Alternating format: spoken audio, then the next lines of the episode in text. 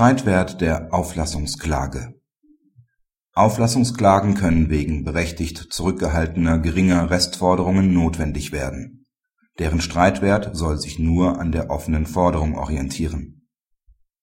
In einem dem OLG Stuttgart vorliegenden Beschwerdeverfahren über die Streitwertfestsetzung hält der Kläger etwa 5.300 Euro, also 3,5 Prozent des Kaufpreises, wegen Mängeln zurück.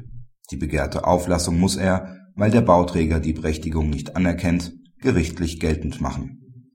Das OLG setzt den Streitwert, nachdem das LG diesen bereits auf einen Teil des Immobilienwerts herabgesetzt hatte, für die Klage in der Höhe der Restkaufpreissumme fest.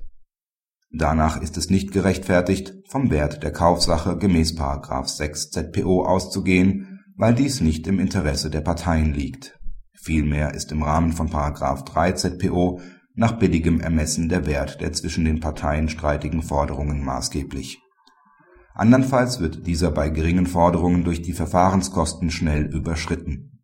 Dies ist unwirtschaftlich und verstößt gegen den durch Artikel 2 Absatz 1 und 103 Grundgesetz geschützten Justizgewährungsanspruch.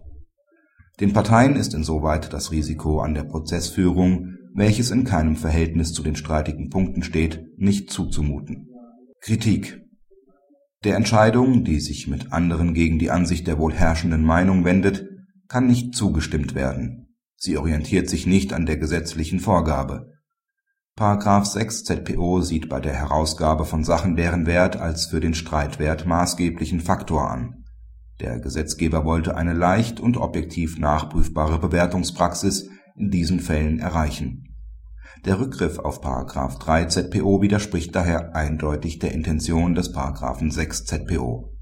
Der Senat verkennt auch, dass bei der Auflassungsklage das wirtschaftliche Interesse an der Eigentumsübertragung besteht, denn in solchen Fällen ist die möglicherweise geschuldete Auflassung noch nicht vorgenommen worden.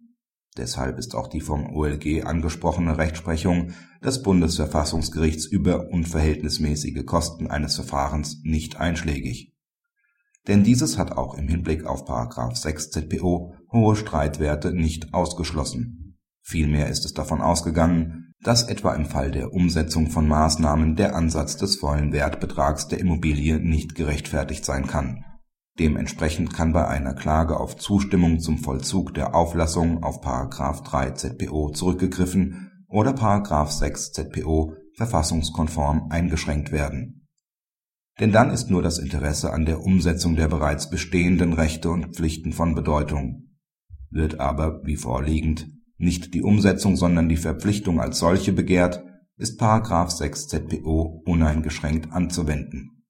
Würde man dies verneinen, bliebe für eine Unterscheidung der Auflassungsklage zur auf Vollzug der Auflassung gerichteten Klage kein gebührenrechtlicher Raum